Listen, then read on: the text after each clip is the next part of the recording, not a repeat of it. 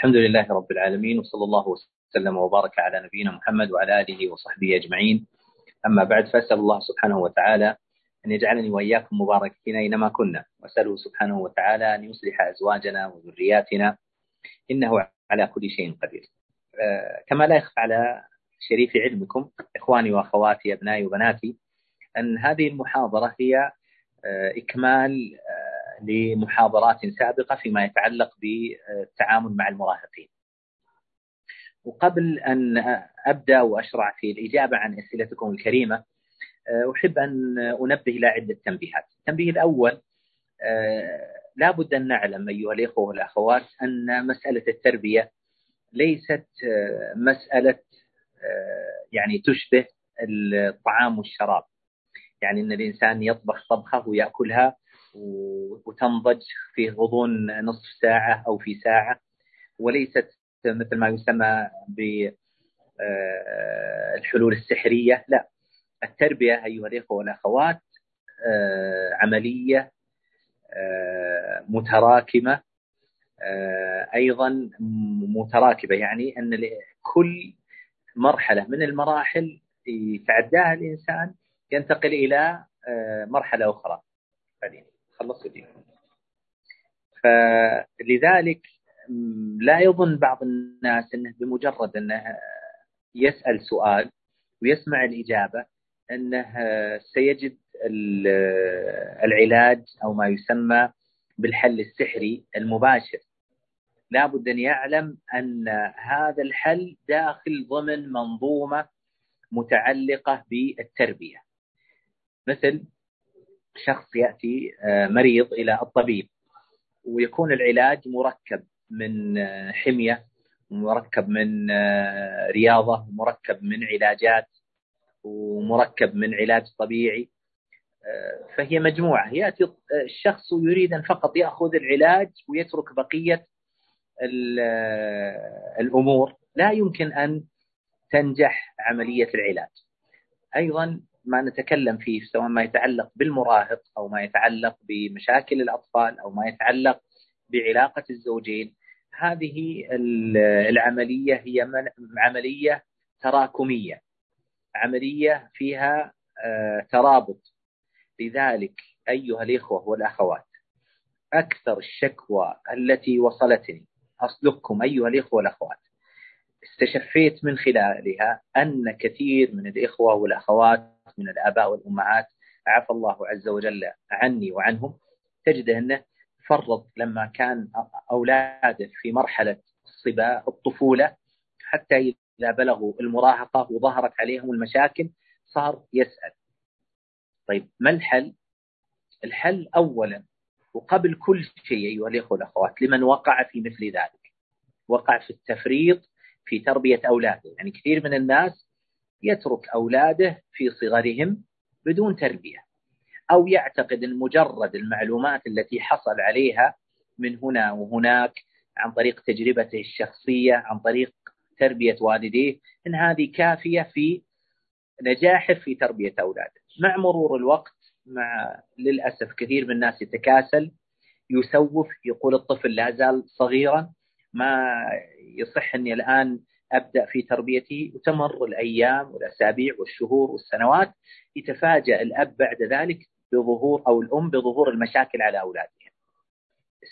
كثير من هذه المشاكل التي ظهرت بسبب التفريط فيما مضى، طيب كيف نعالج هذا التفريط؟ اولا وقبل كل شيء أيها الإخوة والأخوات لابد أن يعلم كل أب كل أم وقع في ذلك أنهم وقعوا في تقصير في حق الله اولا ثم في حق أولادهم. وأول علاج وأول حل بالرجوع والتوبة إلى الله سبحانه وتعالى، لابد أن يعتقد الإنسان إن كان فرط في تربية أولاده أنه قصر في حق الله وقصر في حق أولاده. يعني في حق الخالق والمخلوق وهذا يحتاج إلى توبة صادقة أن الإنسان يرجع ويتوب إلى الله ويقر بذنبه ويقر بخطئه. أن أخطأ وقصر ويقول يا رب أنا أخطأت أنا أذنبت أنا قصرت. اللهم يا حي يا قيوم تب علي توبة نصوحة. اهدني وسددني ألهمني رشدي وقني شر نفسي.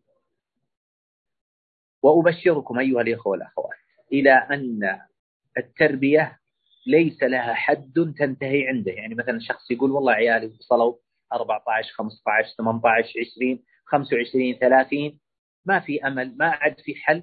الجواب لا. في البخاري جاء الدين والإيمان إلى أصحاب النبي صلى الله عليه وسلم وهم كبار. يعني أصحاب النبي صلى الله عليه وسلم منهم من جاءه الدين والإيمان والتقوى وعمره عشرين وثلاثين وأربعين وخمسين وستين وسبعين وثمانين أكثر وأقل. فنفعت فيهم الموعظة ونفعت فيهم التوبة وأخرج الله عز وجل فيهم أفضل جيل مر على هذه الأمة. إذا أول أمر أن الإنسان يصدق التوبة مع الله عز وجل في تقصيره في حق ربه وحق من؟ وحق أولاده حينما تأخر أو سوف أو قصر في تربيتهم الأمر الثاني أيها الإخوة والأخوات كل أمرنا بيد الله عز وجل. وما بكم من نعمة فمن الله. إن كان ثم نعمة فهي من الله سبحانه وتعالى. وكل خير وكل فضل بيد الله عز وجل.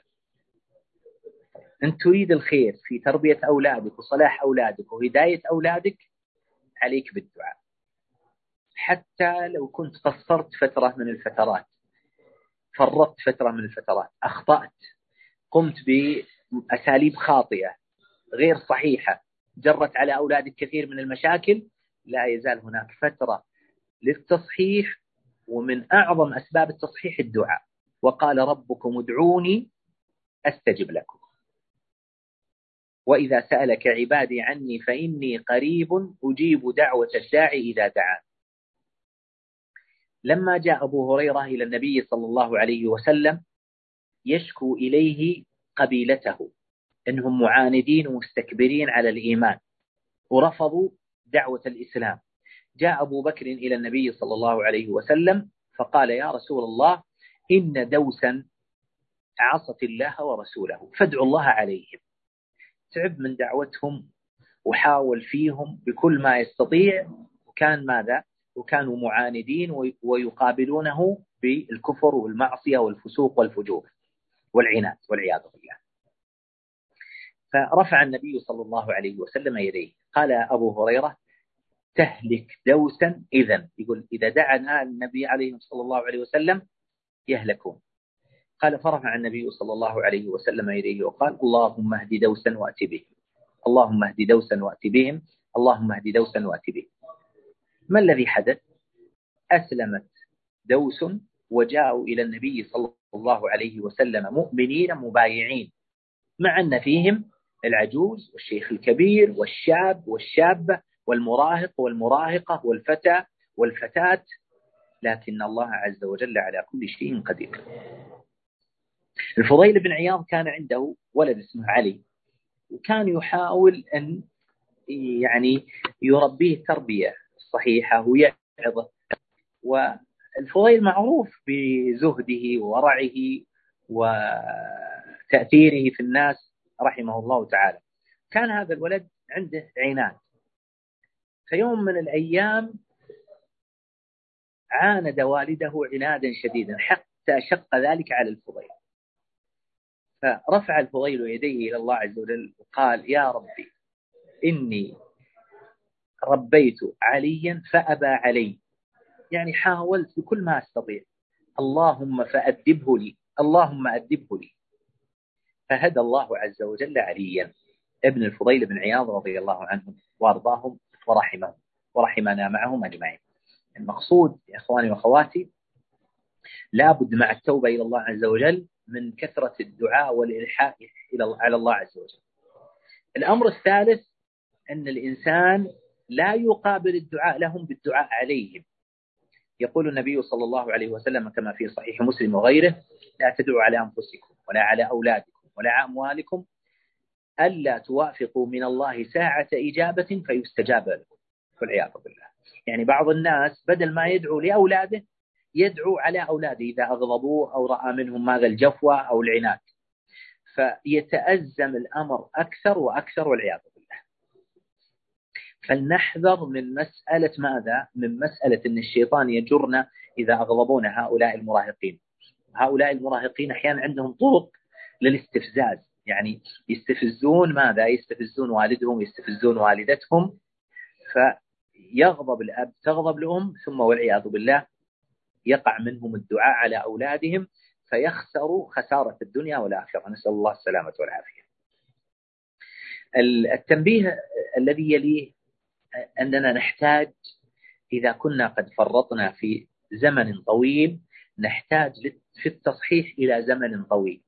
يعني ما يظن الإنسان أنه بمجرد يسمع الجواب ويطبقه أنه قد ينجح للأول مرة الأولى. يحتاج أنه يسمع ويشاهد ويحضر كيف يتعامل مع هؤلاء المراهقين كيف يتعامل مع هؤلاء الأطفال حتى تكون العملية متكاملة شاملة. أنت عندك مراهق عندك شاب ناضج عندك طفل عندك آه، ما بين هذه المراحل الثلاث تحتاج أن تكون العملية شمولية العملية كاملة. تؤدي التربية لأصغر أولادك إلى أكبر أولادك. بل لابد أن نعلم يا إخواني وأخواتي وأبنائي وبناتي أن تربية الأب والأم لأولادهم تمتد إلى أن يفارقوا الدنيا. إما الولد يفارق الدنيا لا قدر الله قبل والديه أو أن الوالدان كسنة الله عز وجل الكونية يفارقان أولادهم تظل هذه التربية موجودة إلى أن يفترق الأب والأم عن الأولاد ويفرقهم الموت. لكن ما دام الأب والأم موجود والأولاد موجودين فالتربية لا تزال مستمرة. لذلك لا تظن أنك في يوم من الأيام أنك ماذا؟ تقول خلاص أنا انتهيت. ما يحتاج. لا. العملية التربوية يا إخواني وأخواتي عملية تراكمية مستمرة ودؤوب إلى أن نلقى الله سبحانه وتعالى. فلا تيأس ولا تقنط ولا تستعجل ولا تستفز. واستعن بالله عز وجل وتوكل على الله وثق بالله سبحانه وتعالى. واصل التعلم واصل التدريب واصل القراءة الاستماع المشاهدة. والله عز وجل يقول والذين جاهدوا فينا لنهدينهم سبلنا. إن الله لا يضيع أجر من أحسن عمل. إن الله لا يضيع أجر المحسنين. فالمقصود أيها الإخوة والأخوات هذه العملية التربوية التي نقوم بها سواء للمراهقين للأطفال لأولادنا الذين كبروا ونضجوا تحتاج منا مثل هذه الأمور المهمة الضرورية. أنتقل بعد ذلك أيها الإخوة والأخوات إلى ما يتعلق بأسئلتكم الكريمة فيما يتعلق بالمراهقين. يعني بعض الإخوة والأخوات يقولون الأسئلة كلها متعلقة بالمراهق لأن هذه الأسئلة أصلا طرحت على الإخوة والأخوات بعد آه، عدة محاضرات متعلقة بالمراهق وستجدونها موجودة في اليوتيوب. كيف كيفية التعامل مع المراهق؟ لو لو كتبتم في اليوتيوب كيفية التعامل مع المراهق مع اسم المحاضر أخوكم حمد العتيق ستخرج عندكم عدة محاضرات يمكنكم الاستماع إليها والرجوع والرجوع إليها آه، السؤال الأول آه، يقول السائل أو السائلة لأن غير ظاهر عندي السائل ذكر أو أنثى آه، ابني المراهق كثير العناد ويرفع صوته ويعترض عندما أقوم بتوجيهه في أمر معين حتى إنه أحيانا يكون عدواني مع زملائه وإخوانه فما الحل؟ سبق معنا أيها الإخوة والأخوات فيما يتعلق بسمات المراهق أن المراهق من سماته أنه يريد إثبات ماذا؟ إثبات رأيه إثبات وجوده يريد أن يثبت لمن حوله أنه انتقل من مرحلة الطفولة إلى مرحلة النضج سواء كان ذكرا أو أنثى لذلك يرى أن من وسائل ذلك العناد والإصرار على رأيه وسبق معنا أيها الإخوة والأخوات أنه في هذه الأثناء لابد أن يكون الأب وتكون الأم على قدر كبير من الوعي من جهة النظر فيما يصلح مع هذا الولد الذي بلغ مرحلة المراهقة. يعني بلغ 15 16 إلى الثامنة عشر أحيانا تمتد إلى العشرين فترة المراهقة. كيف يتعاملون معه؟ لأنه لم يعد طفلا مثل أول. فمثل هذا الولد المراهق ينبغي أن يكون الأصل في التعامل معه هذا المعاند أن أن نحاول أن نوجد الرابطة العاطفية القلبية بيننا وبينه. سبب هذا العناد يا إخواني ويا أخواتي في الغالب هو انقطاع أو قطع أواصر المحبة والعاطفة بين الأب وبين المراهق أو الأم والمراهق. وسبب والأسباب التي تؤدي إلى وجود العلاقة العاطفية علاقة الحب بين الأب وبين أولاده بين الأب والمراهق الأم والمراهق. لا نحتاج لا نريد أن نعيدها. يستطيع كل واحد منكم أن يرجع للمحاضرة السابقة ويستمع إليها. في وسائل كثيرة جدا. سبب هذا العناد وسبب مجاهرة الولد بكسر آه، أوامر والديه هو انقطاع هذا هذه العلاقة بينهما لو كان الولد يحب والده ويمتلئ قلبه وعقله وصدره وفؤاده بمحبة والديه سيجد من الصعوبة بمكان ماذا؟ أن يعاند والده. الحل الثاني أيها الإخوة والأخوات ألا نصل مع الولد إلى المرحلة التي يجاهر فيها بماذا؟ بالعناد وأنه يفعل رأيه ويكسر ماذا؟ ويكسر النظام الذي جعله الأب أو جعلته الأم كيف؟ بعض الآباء والأمهات ما عندهم في مرحلة المراهقة إلا المنع ممنوع ممنوع ممنوع ممنوع ممنوع. لا لا لا لا. إذا كثرت هذه يصل الولد إلى درجة أنه ماذا؟ أنه يكسر الحاجز ويقول خلي يحصل لي يحصل؟ لابد أن يكون الأب والأم على قدر كبير من الانتباه في أنهم ما يلجئون الولد إلى أن يصل إلى درجة ماذا كما نقول بالعامية يبيعها يقول علي وعلى والعياذ بالله علي وعلى أعدائي تجي زي ما تجي وهذا ناتج عن الضغط الزائد على ماذا؟ على المراهق. فيه قاعدة مرت معنا لا تكن لينا فتعصر ولا قاسيا فتكسر إذا كنت لين على طول الخط سيكسر أولادك النظام وإذا كنت قاسي على طول الخط سيكسر أولادك النظام طيب ما الحل؟ الحل لابد أن تستخدم أسلوب ماذا؟ أسلوب عدم الوصول مع أولادك إلى أن يكونوا ندا لك تصل بهم الأمور إلى درجة أنهم يقولون خلاص ما في فائدة صبرنا صبرنا أطعنا أطعنا. ما في فائدة لا لابد أن يكون هناك نوع من مراعاة المصالح والمفاسد في طلبات الأولاد. بمعنى الطلبات التي تراها أنها لا تحقق لا يحصل منها مفسدة. والولد المراهق يرغبها. فما الذي يمنع الوالدين من أنهم يستجيبون لهذا المراهق. يعني أضرب لكم مثال أحيانا يطلب الأولاد المراهقين هم يتعشون من الوجبة الفلانية والمطعم الفلاني مثل كنتاكي أو هارديز أو غيرها من المطاعم كذا يشتهي يوم من الأيام. إذا لم يكن هذا خارجا عن القدر المعتاد ويوم من الأيام تجي وتلبي له وتقول تستاهل وأنا أبوك خذ.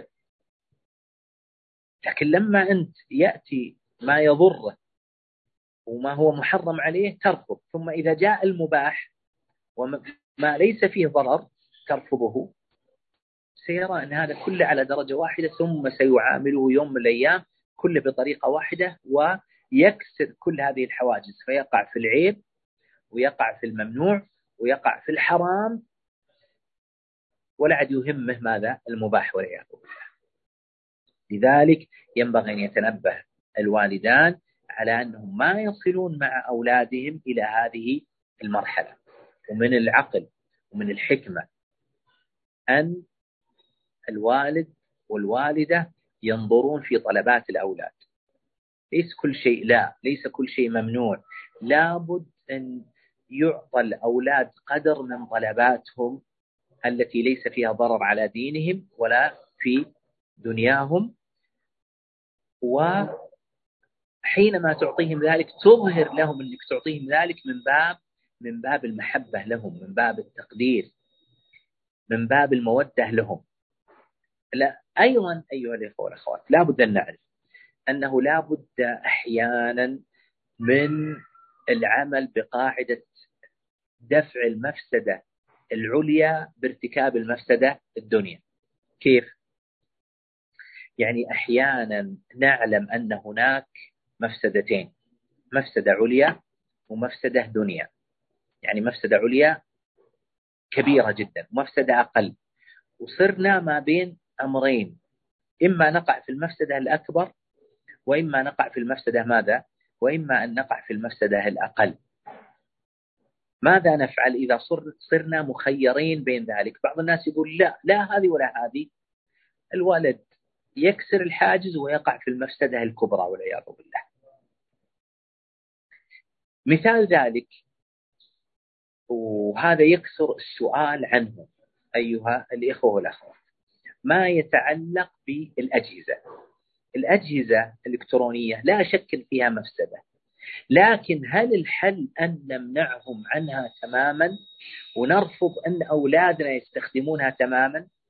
أنا في تقديري أن المنع الكامل التام سيوقع في مفسدة أعظم.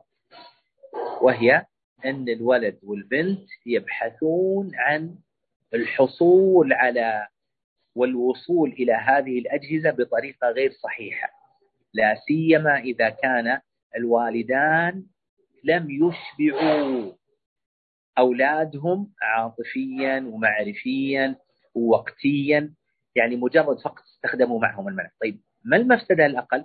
المفسدة الأقل أن يعطوا الأجهزة مع ماذا؟ مع تقنينها يوجد نظام يوجد قانون ساعات معينة أن يكونوا بقدر الإمكان تحت الرقابة ما ينفردون بالأجهزة بمعنى أن يكون هناك قوانين وأنظمة تتحكم في هذه الأجهزة قبل أن يعطى الجهاز الولد يبين له فوائد هذا الجهاز أضرار الجهاز مخاطر الجهاز كما سبق الكلام في آه، حلقة خاصة عن تعاملنا مع مع الأجهزة. آه، السؤال الذي يليه هل يصح التعامل مع عناد المراهق بالضرب؟ آه، الجواب يقول النبي صلى الله عليه وسلم ما كان الرفق في شيء إلا زانه وما نزع من شيء إلا شانه وإن الله يعطي على الرفق ما لا يعطي على العنف. لا بد أن نعلم أيها الإخوة والأخوات وأنا أجاوب هذا هذا الجواب. أن كل بلد لهم نظام ولهم قانون. قد يكون الضرب في بعض البلاد للأولاد مجرما قانونا. ينبغي لكل أب ولكل أم أن لا يقعوا فيما يخالف النظام ويخالف القانون. وأقول أيها الإخوة والأخوات أن استخدام الضرب مع المراهق قد يزيد الطين بله والمرض علة وعندنا من الوسائل الكثيرة استخدامها مع المراهق ما دون الضرب من الهجر أحيانا لكن من الذي يهجر؟ يهجر الأب المحبوب الأم المحبوبة الأب العاطفي الذي بينه وبين أولاده رابطة عاطفة وأم بينها وبين أولادها عاطفة أحيانا يكون بالمنع من ماذا؟ من المرغوبات عن طريق مثلا حرمانه من الجهاز آه، حرمانه أحيانا من الطلعة آخر الأسبوع حرمانه من شيء من المصروف بمعنى أن قد توجد بعض أنواع العقوبات فيما دون الضرب التي تكون أفضل بكثير من ماذا؟ بكثير من الضرب. يقول النبي صلى الله عليه وسلم وإن الله يعطي على الرفق ما لا يعطي على العنف وإن الله يعطي على الرفق ما لا يعطي على شيء سواه. وليس معنى ذلك أن لا نستخدم الحزم لا. وإنما يكون الرفق واللين هو الغالب علينا حتى يعرف الأب بأنه طيب لكنه حازم الأم طيبة وحبيبة لكنها لكنها حازمة. فالذي أنصح نفسي وإخواني وأخواتي البعد عن الضرب قدر الاستطاعة والنظر في غيرها من الوسائل المتاحة وخصوصا في التعامل مع المراهق وخصوصا أيضا بالنظر للأنظمة والقوانين المطبقة في كل بلد لابد من مراعاتها وعدم تجاوز الأنظمة والقوانين في في كل بلد. آه، السؤال الذي يليه ابني في سن التاسع عشر. سلوكه مع المحيطين يتسم بالاضطراب فتارة يتعامل بالهدوء وتارة بالانفعال والتوتر فكيف يتم التعامل معه؟ هذه هذا الاضطراب هو سمة من سمات ماذا؟ من سمات المراهقين.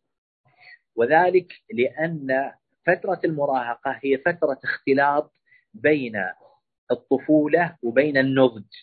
فأحيانا ينحاز المراهق إلى الطفولة وأحيانا ينحاز المراهق إلى إلى ماذا؟ إلى النضج. فيحصل عنده هذا الاضطراب. وهذا الاضطراب أيضا ناتج أحيانا عن قلة تجربة المراهق في العمليات الجديدة من الحياة. يكون دخل الجامعة يكون فارق والديه آه، يكون دخل في العمل أحيانا. يعني تجربة جديدة في حياته تؤدي له إلى نوع من اضطراب لأن الشيء جديد لا يعني بدأ يمارسه لا يعرف كيف يتعامل معه. طيب الحل مع هذا الاضطراب الحل مع هذا الاضطراب لابد أن يكون بالجلسات. جلسات ماذا؟ جلسات الإقناع. ليست جلسات الإملاء. يعني أن الأب والأم يقول هذا غلط هذا صواب هذا ممنوع هذا جائز هذا حلال هذا حرام. لا تكون بجلسات الإقناع. ومن أعظم وسائل الإقناع أن تكون الجلسة انفرادية أحيانا وأحيانا جماعية يعني أحيانا انفرادية مباشرة وأحيانا جماعية. غير مباشرة وأحيانا انفرادية غير مباشرة. يعني تخرج مع الولد تتعشى معه تقول أنا عازمك اليوم تذكر له قصة. هو الولد يفهم من هذه القصة هذه السوالف كيف يتعامل مع مع قراراته كيف يتعامل مع المواقف التي تمر به كل يوم. يعني للأسف أيها الإخوة والأخوات أن كثير من الآباء والأمهات يريدون أولادهم ينجحون في المواقف اليومية الجديدة. هم أعطوهم قواعد في الحياة. يعني أنت حينما تقول أن ولدي عنده اضطراب في التعامل طيب هل أنت أعطيت ولدك ولدك قواعد في تعامله في حياته. كيف يتعامل مع الكبير؟ كيف يتعامل مع الصغير؟ كيف يتعامل مع مديره؟ كيف يتعامل مع معلمه؟ كيف يتعامل مع جده وخاله وعمه؟ كيف يتعامل مع صاحب المتجر؟ كيف يتعامل مع الشاب الذي هو أكبر منه؟ متى جلسنا مع أولادنا وقلنا لهم ترى في قاعدة. في الحياة في قاعدة في التعامل مع الناس وهي كيت وكيت. الأولاد كما نحن محتاجون إلى أن نتعلم التربية أولادنا بحاجة إلى أن نعلمهم كيف يتعاملون مع محيطهم. وهذا الذي ذكرناه في لقاءات سابقة أن التربية تتعلق بالعقيدة وتتعلق بالعقيدة وتتعلق عفوا تتعلق بالعقيدة وتتعلق بالعبادة وتتعلق بالسلوك والأخلاق وتتعلق بالمهارات من المهارات التي يجب أن نربي عليها أولادنا نعطيهم قواعد في الحياة ولدك ليش عنده اضطراب؟ لأن ما عنده قاعدة طيب من اللي بيعطيه القاعدة؟ قد يتعلم القاعدة من ماذا؟ من طريق خاطئة قد يتعلم القاعدة بطريقة الصواب والخطأ لماذا؟ لأنك أنت أيها الأب والأم ما أعطيته القاعدة في التعامل مع الناس أنت هل أعطيت القاعدة في التعامل مع الناس أن الأصل في التعامل مع الناس يكون بالرفق واللين وما تستخدم معهم الشدة أن الأصل في التعامل مع الناس هو الأدب والاحترام والتقدير وأن لا تخرج عن ذلك إلا إذا اضطررت إلى ذلك ورأيت أن الشخص المقابل أن الاحترام والتقدير يزيده طغيانا وعتوا هل أنت أعطيت ولدك هذه القاعدة؟ هل أنت أعطيت ولدك أن التعامل مع الكبير لابد أن يكون باحترام وتقدير وتعامله كأنه عمك أو والدك. والقاعدة في التعامل مع الصغير أنه مثل أخوك الصغير. هل أعطيت ولدك الذكر قاعدة أن كل بنت في الشارع ينبغي أن يعتقد أنها مثل أخته؟ ما يفكر أنه يضرها ولا يسيء إليها أو يعاملها مثل بنته أو يعاملها مثل أمه. هل نحن زرعنا في أولادنا هذه القواعد المتعلقة بالمهارات المتعلقة بالتعامل مع الناس؟ إذا لم نجعل عندهم مثل هذه القواعد من الطبيعي أن يكون أولادنا مضطربين في سلوكهم وتعاملهم مع هذه المواقف اليومية. آه، السؤال الذي يليه آه، كيف نتعامل مع المراهق حينما ينصحه أبوه يتضجر ويتأفف ويعمل نفسه؟ على أنه حق وأنه مظلوم دائما ولا أحد يقدر مشاعره ويكره سماع النصائح أو يقول نعم فقط ليسكتني. يعني مثل ما مر معنا أيها الأخوة والأخوات هذا من طبيعة المراهق. طبيعة المراهق يحب ماذا؟ يحب أن يثبت رأيه. يحب أن يثبت للناس أنني لم أعد طفلا. تقولون له يسمع. تأمرونه يطيع لا أنا عندي استقلاليتي أنا عندي تفكيري أنا عندي قراراتي. لابد أن نعلم أولادنا هؤلاء أن هناك قرارات هو مخير فيها وله الحق الكامل في الاختيارات. وهناك قرارات لابد أن تكون بالتشاور. هناك قرارات راجعة للنظام لا ينظر فيها إلى قبلت أو ما قبلت اقتنعت أو ما اقتنعت. تماما مثل الدولة. البيت مثل الدولة. الدولة فيها قرارات وأنظمة. سواء والله أنت رضيت ولا ما رضيت يعني عندنا مثلا الساهر ربط الحزام السرعة يسمى عند في بعض دول الخليج الرادار. ما يجون ينظرون للناس يقولون إيش رأيك؟ تحب إن نستخدم معك هالطريقة وما نستخدمها؟ نستخدم هذا النظام والقانون وما نستخدم؟ لا. عاجبك أهلا وسهلا ما عاجبك سيفرض النظام وستعاقب إذا خرقت النظام. في أشياء أخرى راجعة إلى ماذا؟ راجعة إلى اختيار الإنسان. تأكل تشرب تلبس تخرج تدخل. في الدولة ما حد يقول لك شيء لأن هذا راجع إليك. يعني هناك أمور اختيارية هناك أمور تشاورية تطرح أحيانا على الناس. ما رأيكم؟ ثم هناك طريقة في كل دولة بعد ذلك يشوفون ماذا؟ بعد أخذ مشوره الناس يرون الأصلح. المقصود أن البيت كذلك لابد أن يعرف الأولاد هناك نظام وقانون مطبق على الجميع. وهناك آراء تطرح ويؤخذ التشاور فيها ويخرج في النهاية برأي أغلبي أو رأي تشاوري تشاركي وهناك أمور خاصة بكل شخص يمارس فيها حياته الطبيعية التي هو يرغبها. والله محطوط أكل معين هو ما يرغبه، ما نغصبك إنك تأكل هذا الأكل. شراب، لباس ما يخالف لا الدين ولا يخالف العرف، هو حر خليه يلبس. إذا أفهمنا أولادنا ذلك ستخف كثير من المشاكل. لكن وش الإشكالية؟ إخواني وأخواتي أبنائي وبناتي حين تعامل كل هذه الثلاث على أنها شيء واحد نظام وقانون واسكت ولا كلمة وما لك إلا رأينا. يعني تصوروا أعرف بعض الأسر حتى أعزكم الله نعال الولد مراهق وصل الجامعة ما يسمح الأب والأم من ولده يختار أعزكم الله نعاله أو لباسه أو عطره. أو أكله أو شربه كله نظام. طبعا هذا وش يولد؟ يولد أحد شخصين.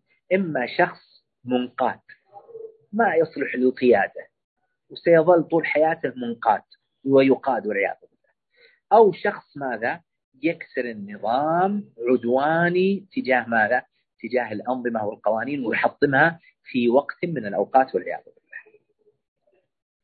آه، السؤال الذي يليه ابني في مرحلة الثانوية. لا يبالي بأي شيء وعنده لا مسؤولية تجاه واجباته أو الصلاة والمذاكرة أو طلعته مع أصحابه. أما وقت طلعته مع أصحابه فحدث ولا حرج من الاهتمام وترتيب الطلعة وهكذا. جربت معه طرق عدة تفيد مدة ثم يرجع مرة أخرى فما نصيحتكم؟ نصيحتي تواصل ولا تتوقف بالطريقة التي تناسب وترى أنها نفعت معه. يعني بعض ترى يا إخواني وأخواتي أبنائي وبناتي أبنائنا حتى وبناتنا في الأسرة الواحدة قد هذا الأسلوب ينفع مع شخص ولا ينفع مع الشخص الآخر. مع أنهم في بيئة واحدة لكن السمات الشخصية الفردية تختلف من شخص إلى آخر. فإذا أنت وجدت أن بعض الوسائل مع ولدك مع ابنك مع ابنتك نفعت لكنه ما يلبث في وقت من الأوقات بعد وقت. ماذا؟ يخالف هذا مرة ثانية تحاول مرة ثانية وثالثة ورابعة وتستمر حتى حتى الله عز وجل ينزل في قلبه الهداية. ولا تظن أن أولادنا مثل ريموت كنترول يمين يمين يسار يسار لا. لو كان كذلك ما عانينا يا إخواني وأخواتي في التربية. لا أولادنا سنجعل سنأتي بالنظام والتوجيه والقصص والتربية يحسنون أحيانا ويسيئون. يصلحون أحيانا يفسدون يطيعون واحيانا يعصون المهم أن نظل في عملية دائبة ومستمرة في ماذا؟ في التربية وفي كل مرحلة من مراحل حياة أولادنا ننظر للوسائل المفيدة التي أفادت نحاول ماذا؟ نحاول تكرارها هذا الولد اللي الذي لا يتحمل شيء من المسؤولية لابد لابد يا إخواني واخواتي أن نجلس معه. ونفهمه أن الحياة قائمة على مبدأ الأخذ والعطاء على مبدأ الحقوق أداء الحقوق والمطالبة بالواجبات. ما في حياة فقط حقوق وما في حياة فقط أدوا إلي الواجبات. هذا غير موجود إلا في الأسر التي تدلل أولادها وينتج في النهاية ولد أناني ولد لا يصلح لشيء. لا يصلح إلا أن يكون آخذا عاما. أنا وما بعدي الطوفان. وهذه رسالة لكل أب وأم الذين فقط عندهم أولاد مدللين. خذوا خذوا اللي تبون. أهم شيء ولدي لا يزعل. يعني إحدى الأخوات قبل فترة رأيتها تكلم ولدها فجأة وجدت الولد كأنه يحقق مع أمه. قلت أنا حسن عشر سلامات ليش ما تصارحينه باللي حدث؟ قالت أنا ما ودي يزعل قلت يزعل وتجي العافية. لابد يتعود الولد أن أبوه وأمه أحيانا يفعلون أشياء وتزعل هذه الأشياء لكن لابد أنه يتعود كيف يتعامل مع النظام الذي يخالف رغبته. وأنه يزعل وأنه يعيش في حياة موجود فيها الزعل وموجود فيها النظام والقانون الذي يخالف رغباته. لأنك إذا ما عودته طفل صغير على وجود ذلك لن يقبل منك ذلك إذا كبر. فالمقصود أيها الإخوة والأخوات أنه لا يصح أن نجعل أولادنا نلبي لهم كل شيء كل شيء كل شيء ولا نحملهم المسؤولية. فإذا جاء المراهقة ونبي نحمل المسؤولية نقول والله ما تحمل المسؤولية لابد أن نجلس معه. إذا كنا اخطينا وقصرنا نتوب إلى الله عز وجل وندعو الله سبحانه وتعالى نجلس مع أولادنا جلسة مصارحة وأنه الحياة أخذ وعطاء ونبدأ معهم رويدا رويدا بتحمل مسؤولية غرفته يتحمل مسؤولية أشيائه الخاصة يتحمل جزء من مسؤولية في المطبخ في البيت والده إذا جاء طالع ما يتركه يقول تعال معي إذا جاء عند البقالة إذا كان الذكر الولد انزل. انزل مع اخوانك انزل مع اخواتك انت عليك كذا وانت عليك كذا. الام في البيت اولادها تشارك مع والدهم. اليوم انت يا فلان وفلان انت عليك كذا وكذا وانت يا فلان وفلان عليك كذا وكذا. بحيث انه يعلم انه لابد يتحمل جزء من المسؤولية. ولا يحصل ما يريد إلا ما تتحقق له الحقوق إلا بأداء الواجبات التي له. أما أننا نعطيه نعطيه. وإذا طلبنا من الواجبات ما يقوم بالواجبات ونظل نعطي نعطي نعطي نحن الذين أفسدناه وبالمناسبة بعض الناس يفسد من حوله يفسد الأبناء ويفسد البنات بل يفسد من؟ يفسد حتى العمال اللي عنده ما يعرف التعامل معهم. لين لين ويعطي يعطي يعطي يعطي. فإذا جاء يوم من الأيام يطالبهم بالواجبات التي عليهم استغربوا وما أعطوا هذه الواجبات. السبب أننا قصرنا في تربية من حولنا على أن الحياة قائمة على الحقوق والواجبات. لابد من جلسات علاجية سلوكية قائمة على المحاورة. والمحاورة لا تكون في الوقت الذي فيه الأب والأم وهم غاضبون والولد غاضب. لا. فترة آه، راحة طمأنينة سكينة تطلع يطلع الأب مع ولده أو مع ابنته أو الأم إلى مطعم إلى كافي يطلعون يتمشون ويتحاورون. حوار ودي عاطفي يعمه الحب والمودة والاحترام والتقدير. ودائما وأنت تكلمهم لا تكلمهم عن مصلحتك كلمهم على أن هذا في مصلحتهم هم حتى يكون هذا دافع للاستجابة لمثل هذه لمثل هذه المسؤوليات. أنتقل بعد ذلك أيها الإخوة والأخوات إلى بعض الأسئلة المتعلقة بالأفكار المعاصرة المخالفة السؤال يقول ما الطريقة الشرعية في التعامل الأب والأم أو المربي مع المراهق لحثه على المحافظة على أصول وثوابت الدين؟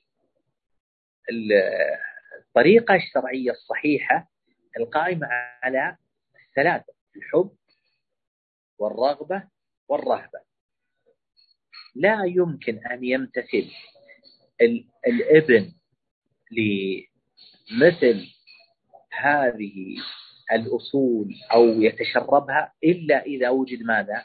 الرغبة والرهبة والحب. لمن؟ لله سبحانه وتعالى لابد أن تولد في قلب ولدك محبة الله ومحبة رسوله. الخوف من الله عز وجل الرغبة فيما عند الله سبحانه وتعالى. وأصول وثوابت الدين ما تطرح لما يكون الولد عمره 16 و17 و18 و19 و20 ثوابت الدين تغرس في الولد منذ ماذا؟ منذ أن يعقل. كان السلف يقولون إذا أفصح غلامك فعلمه لا إله إلا الله. مو معلمه بس النطق علمه أيضا ماذا؟ وحدانية الله. وعلمه وجود الله علو الله. علمه أن كل نعمة عندنا من الله سبحانه وتعالى اربطها إذا شفت فرحهم قلت ترى هذه النعمة من الله سبحانه وتعالى. إذا رأيت البلاء والمصائب وقعت على غيرك قل انظروا من الذي سلمنا من هذه المصائب. الله ترى قادر على أن يوقع هذه المصائب علينا لكن الله برحمته صرفها عنا. حينما نرى مهلك الفجار والمجرمين نقول انظروا كيف قد تكون هذه قد تكون هذه عقوبة من الله حلت عليهم. الإنسان يخشى أن تقع عليه المعصية عقوبة المعصية. بمعنى أن ثوابت وأصول الدين. لا يصح أن تترك حتى إذا بلغ الولد. سن المراهقة نبدأ ذاك الوقت معه في بيان أصول وثوابت الدين. بل لابد أن يكون هذا في سن مبكرة. النبي صلى الله عليه وسلم قال للغلام الصغير احفظ الله يحفظ احفظ الله تجده تجاهك تعرف على الله في الرخاء يعرفك في الشدة. واعلم أن الأمة لو اجتمعوا على أن ينفعوك بشيء لم ينفعوك إلا بشيء قد كتبه الله عليك. ولو اجتمعوا على أن يضروك بشيء لم يضروك إلا بشيء قد كتبه الله عليك رفعت الأقلام وجفت الصحف. انظروا كيف النبي صلى الله عليه وسلم علم التعلق بالله والخوف من الله ومراقبة الله وإتباع السيئة الحسنة وكيف أنه ماذا؟ يؤمن بقضاء الله وقدره. وهو غلام صغير. من فرط سابقا؟ ماذا يفعل؟ يبدأ ماذا؟ يبدأ مع ولده بالجلسات ماذا؟ الحوارية غير المباشرة. أثناء الطعام أنا أعيد وأكرر يا إخواني ويا أخواتي يجب على الأب والأم أن يجتمعوا مع أولادهم في اليوم ساعة. ويفرغوا أنفسهم ويفرغوا أنفسهم في هذه الساعة لماذا؟ لتربية أولادهم للكلام معهم للتحاور للسوالف معهم السوالف ماذا؟ المقننة الهادفة لطرح المواقف اليومية التي يستنتجون منها القواعد في التعامل والمهارات مهارات التعامل مع الآخرين أما أن الأب والأم يجلسون يعملون طول الأسبوع ولا يجلسون مع أولادهم وإذا جلسوا كل واحد في جواله ثم بعد ذلك يريدون أن أولادهم يتربون. من اللي بيربي أولادكم؟ إلا هذه الأجهزة. أنت كل واحد منا يسأل نفسه متى جلس مع أولاده؟ متى كلم أولاده؟ متى ضم أولاده؟ متى قبل أولاده؟ متى حدثهم بمواقفه اليومية؟ متى حدثهم بالقواعد؟ متى حدثهم عن رسول الله صلى الله عليه وسلم؟ عن الصحابة؟ عن الله عن عظمة الله عن قدرة الله عن ملك الله سبحانه وتعالى. عن خلق الله عن فضل الله علينا. متى؟ كل واحد منا يسأل نفسه. كل واحد منا خصيم نفسه. المقصود أن أولادنا مثل الإناء ومثل القدح الفاضي. إذا لم نسارع بملئه بالإيمان والمعتقد الصحيح والتوحيد ووصول الدين سيملأه شياطين الإنس والجن بالشك والكفر. والإلحاد والمعصية والفجور والعياذ بالله. المقصود أيها الإخوة والأخوات أنه لابد من الجلوس مع أولادنا لابد من تخصيص وقت للجلوس مع أولادنا. أقل شيء الوجبة اليومية. ما تمر فقط أكل وشرب كل واحد على جهاز قاعدة خذوها مني. إذا جيتم على الوجبة إذا جيتم على الجلسة الجلسة اليومية على القهوة أو الشاهي افرضوا أنها ما تستخدم الأجهزة بقدر الاستطاعة. وكونوا أول من يفعل ذلك وترى أنا من المقصرين لكني أحاول بقدر الاستطاعة وأسأل الله سبحانه وتعالى أن يعيني على ذلك أن الإنسان إذا جاء وقت الطعام إذا جاء وقت القهوة والشاهي جلسة الأسرية أن الإنسان أول ما يفعل هو وزوجته يتركون الأجهزة ويطلبون من أولادهم ترك الأجهزة ويبدون يسولفون يتكلمون. قصة عن رسول الله صلى الله عليه وسلم عن الصحابة عن الله عز وجل عمن قبلنا عن الأنبياء عن المواقف اليومية عن القواعد والمهارات الحياتية. بهذا يمكن بإذن الله أن نغرس في قلوب أولادنا الأصول الشرعية والعقدية وهم وهم لا يشعرون.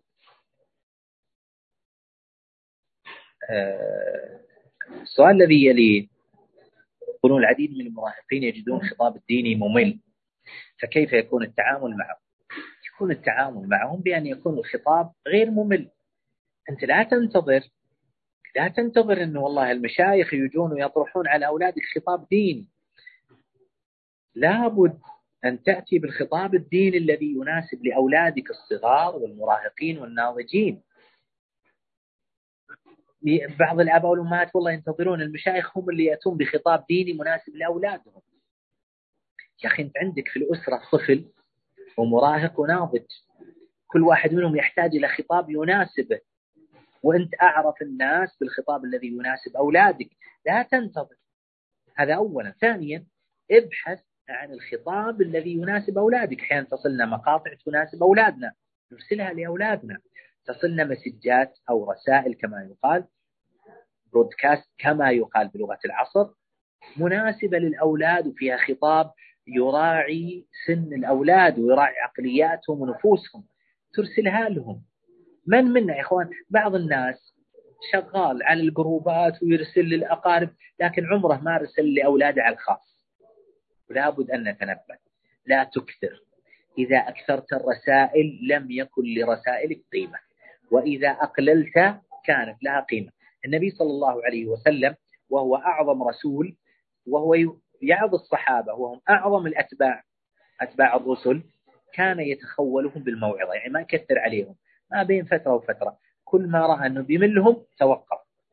وإذا رأى في أعينهم أنهم بحاجة ومتعطشين أعطاهم النبي صلى الله عليه وسلم. فالخطاب الديني لابد أن يكون مناسب لأولادنا ولا يعني ذلك أن نأتي بخطاب مشوه.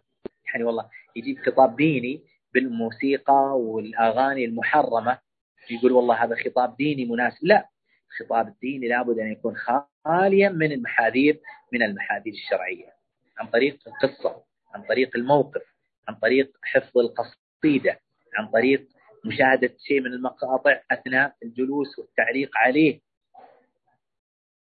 بمعنى أنت أيها الأب وأنت أيتها الأم إخواني وأخواتي كل واحد منا لابد أن يتعب في البحث عن الطريقة المناسبة لإيصال الخطاب الديني لأولاده.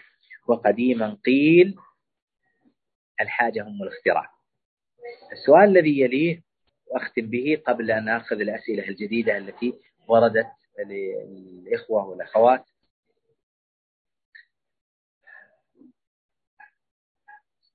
كيف أقنع أولادي بتعاليم الدين الإسلامي وهم لا يفهمون اللغة العربية؟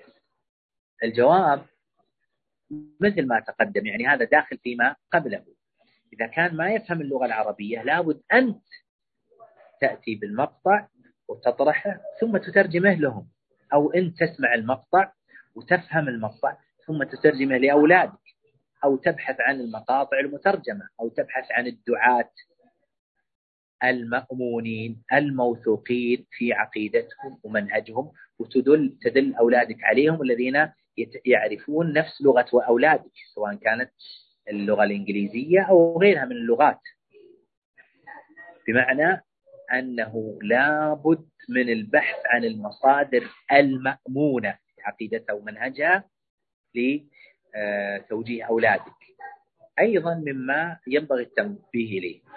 أنه ينبغي على كل أب وأم أولادهم لا يحسنون العربية أن يتعلموا اللغة العربية ويعلموا أولادهم اللغة العربية. الآن الناس لماذا يتعلمون اللغة الإنجليزية ويحرصون عليها تجدهم من نعومة أوفار أولادهم من الروضة والتمهيدي والابتدائي يتعلمون الإنجليزية ويأتون لهم بالمربية التي تعلمهم الإنجليزية. ليش؟ من أجل الدنيا. طيب لماذا إذا كنا لا نحسن العربية أن نتعلم العربية ونعلمها أولادنا لأجل الدين لله عز وجل؟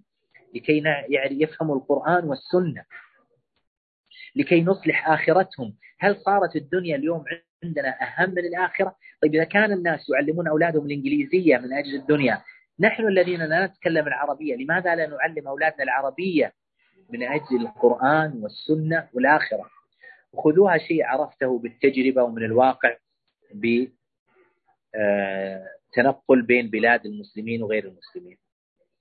تعلم اللغة العربية من أعظم أسباب ثبات المجتمعات والأفراد على الدين. وغياب اللغة العربية من أعظم أسباب بعد الناس عن الدين سواء المجتمعات أو الأفراد. لأنه بمجرد يتعرف يعرف العربية بيعرف القرآن بيعرف السنة بيعرف سيرة النبي صلى الله عليه وسلم. لكن إذا ما عرف العربية سيكون هناك عقبة بينه وبين القرآن والسنة وسيرة النبي صلى الله عليه وسلم.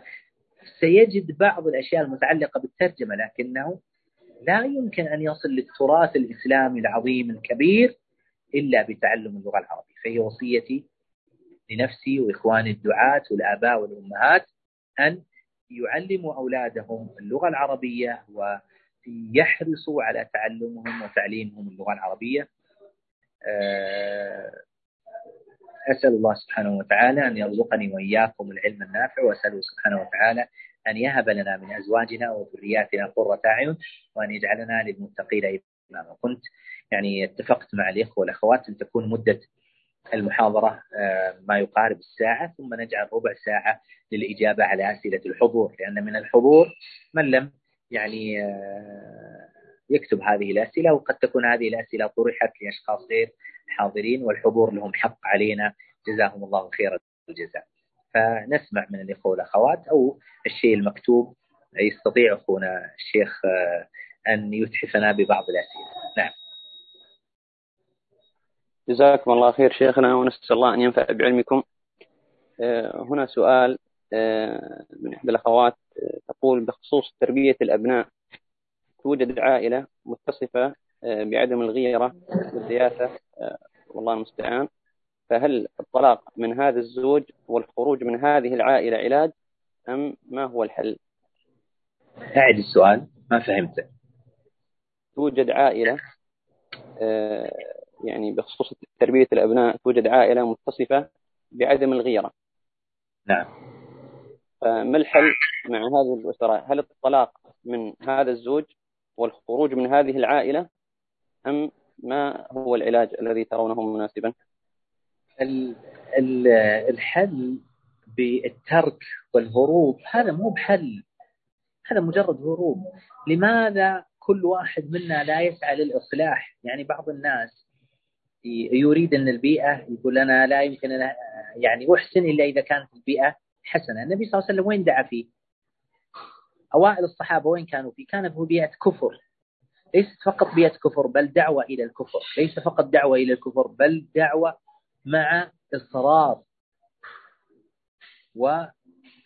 وإجبار على الكفر بل يصل إلى درجة القتل.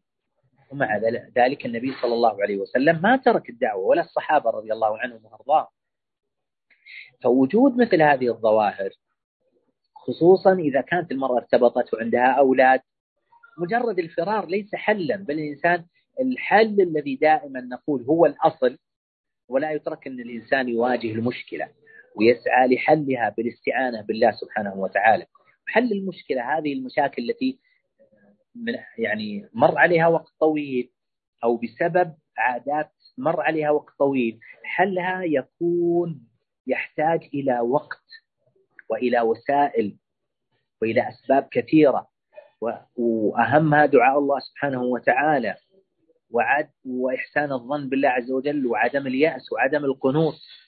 والله يا إخواني وأخواتي إن بعض من يسعى في تربية من حوله ما صلح من حوله إلا بعد مرور عشر وعشرين وثلاثين سنة. أعرف إحدى الصالحات ما صلح زوجها إلا بعد أن قضت معه أكثر من ثلاثين سنة. واليوم هو ملازم المسجد من بيته إلى المسجد بفضل الله ثم بفضل هذه المرأة الصالحة. صلى الله عز وجل أن يجزيها خير الجزاء وأن يريها في ذريتها ما يسر. المقصود الفرار سهل الترك سهل لكن هذا ليس حلا. واتبع ما يوحى إليك واصبر حتى يحكم الله وهو خير الحاكمين. فاصدع بما تؤمر. فاصبر إن وعد الله حق ولا يستخفنك الذين لا يوقنون. خلاص يعني واجهت معارضة تروح وتترك لا نوح عليه الصلاة والسلام مكث في قومه ألف سنة إلا خمسين عاما. وما يئس عليه الصلاة والسلام. أنا أوصي كل واحد من أن الأصل هو البقاء في مكانه والمجاهدة والمصابرة. مع فعل كل الأسباب المتاحة. وذكره بقول الله عز وجل والذين جاهدوا فينا لنهدينهم سبلنا. إن الله لا يضيع أجر المحسنين. إنا لا نضيع أجر من أحسن عمل. نعم. بارك الله فيكم. هنا كذلك سؤال. آه، فتاة تقول أنا أبلغ من العمر 21 سنة وأحيانا أرى والدي حفظهم الله لا يجيدان تربيتنا وقد وقد يعذران لكن تعاملهم مع النقد والتهكم والتفريق في التعامل يوقعنا للأسف في العقوق.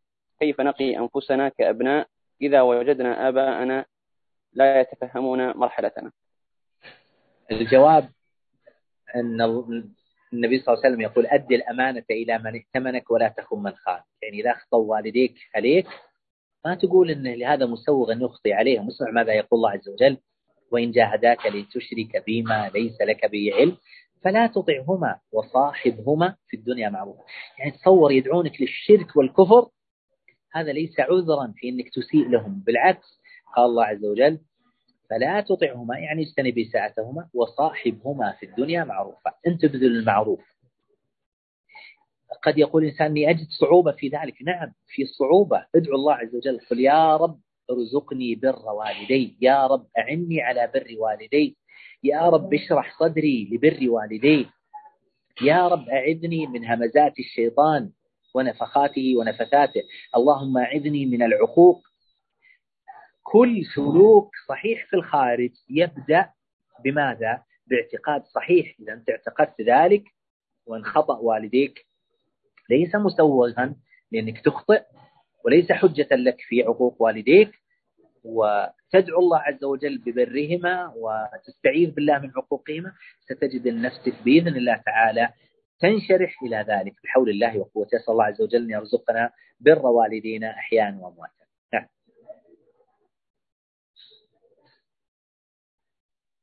بارك الله فيكم. هنا كذلك سؤال. ابنتي مراهقة عمرها 14 عاما تقابل أي أمر مني بالرفض الفوري سواء بالعبادة التطوعية أو أوامر عادية في الحياة مما يضطرني إلى الغضب الشديد وردة الفعل القوية مني وأصبحت أتجنبها ولا أطلب منها شيئا حتى صرت أنعتها أنعتها بالعاقة. نعم. كيف يكون التعامل مع هذه الابنة؟ الجواب أن هذا الفعل ليس يعني تسمح لي أختي هذا ليس فعل مربي هذا فعل ماذا؟ هذا فعل شخصي بينتقم لنفسه. وهذا مما يوقعنا فيه الشيطان يا اخواني اخواتي من كثير منا إذا أغضبهم أولادهم لا يفكر في إصلاح ولده وإنما يفكر في حق نفسه. حينما نفكر في إصلاح أولادنا لا يمكن أن نقع في مثل ذلك. البنت رفضت وغضبت الأم واستخدمت هذا الأسلوب ولم ينفع وظلت تستخدم أسلوب لا ينفع. النبي صلى الله عليه وسلم يقول لا يدغ المؤمن من جحر مرتين. الكفار وهم الكفار يقولون لا تستخدم نفس الأساليب وتنتظر نتائج مختلفة. هذا ما تجي حتى بالعقل. يعني يعني التربويون الكفار يقولون هذا الكلام يقولون لا تستخدم نفس الوسائل وتنتظر نتائج مختلفة. انت قاعدة تستخدمين نفس الأسلوب مرة ومرتين وثلاث وأربع وخمس وعشر وعشرين وبعدين ما نفع مع البنت. طيب غيري أسلوبك. غيري أسلوبك بماذا؟ بأنك قبل أن تأمريها تجلسين معها تجدد العلاقة معها. الآن تبعتينها بالعاقة هذا يسمى في علم السلوك والتربية يسمى تعزيز السلوك السلبي. حينما نقول للولد أنت عاق أنت عاق أنت عاق؟ يقول لي أنا عاق. يصير يسوي كل شيء ماذا؟ يثبت هذا الأمر. حينما نقول للولد أنت كذاب. وكذاب كذاب. يقول نعم أنا كذاب ويظل يكذب. لماذا تستخدمين مع هذا الأسلوب؟ الشيطان جرك أن تنتقمي لنفسك. ولم تبحثي عن ما يصلح هذه البنت. لذلك يقول الله عز وجل إن يعلم الله في قلوبكم خيرا يؤتكم خيرا مما أخذ منكم ويغفر لكم. إذا كانت نيتك في إصلاح ولدك صحيحة سيوفقك الله سبحانه وتعالى. يقول النبي صلى الله عليه وسلم فإن صدقا ونصحا بورك لهما. يا أيها الذين آمنوا اتقوا الله وقولوا قولا سديدا. اتقوا الله يصلح لكم أعمالكم ويغفر لكم ذنوبكم. صلاح العمل مبني على صلاح العقيدة صلاح النية صلاح الإرادة. فأقول لأختي هذه أولا جددي نيتك. إيش تريدين من هالبنت؟ تنتقمين منها؟ تريدين مصلحتك؟ لن تصلح هذه تريدين إصلاحها؟ وتقصدين لإصلاحها؟ وتتجنبين الانتقام لنفسك؟ وتتجنبين مصلحة نفسك؟ وأغراضك الشخصية من أجل صلاح بنتك؟ ستجدين من الله كل خير بإذن الله تعالى. استخدمي أسلوب آخر؟ توقفي عن تعييرها حاولي أن تعيدي العلاقة بينك وبينها الحب المودة الاحترام التقدير. وارجعي للمحاضرة السابقة في طرق تربية المراهق كيف ننمي العلاقة والمودة والمحبة بيننا وبين أولادنا. أسأل الله سبحانه وتعالى أن يصلح أزواجنا وذرياتنا إنه على كل شيء قدير. وفي هذا القدر كفاية. وأكمل إن شاء الله تعالى في نفس الموعد على الأسبوع القادم. أترككم في رعاية الله. أسأل الله سبحانه وتعالى أن يحفظني وإياكم بحفظه وأن يكلأنا برعايته وأن يصلح أزواجنا وذرياتنا ويغفر لوالدينا ويرحمهما كما ربونا صغارا. إنه على كل شيء قدير. وفي الختام أتقدم بالشكر الجزيل بعد شكر الله تعالى لإخواني وأخواتي في جمعية دار البر على مثل هذه الملتقيات ومثل هذه المحاضرات والندوات. أسأل الله سبحانه وتعالى أن يجزيهم خير الجزاء وأن يجعلها في ميزان حسناتهم إنه على كل شيء قدير. وآخر دعوانا أن الحمد لله رب العالمين وصلى الله وسلم وبارك على نبينا محمد وعلى آله وصحبه أجمعين. وشكر الله لكم حضوركم واستماعكم وانصاتكم. والسلام عليكم ورحمة الله وبركاته.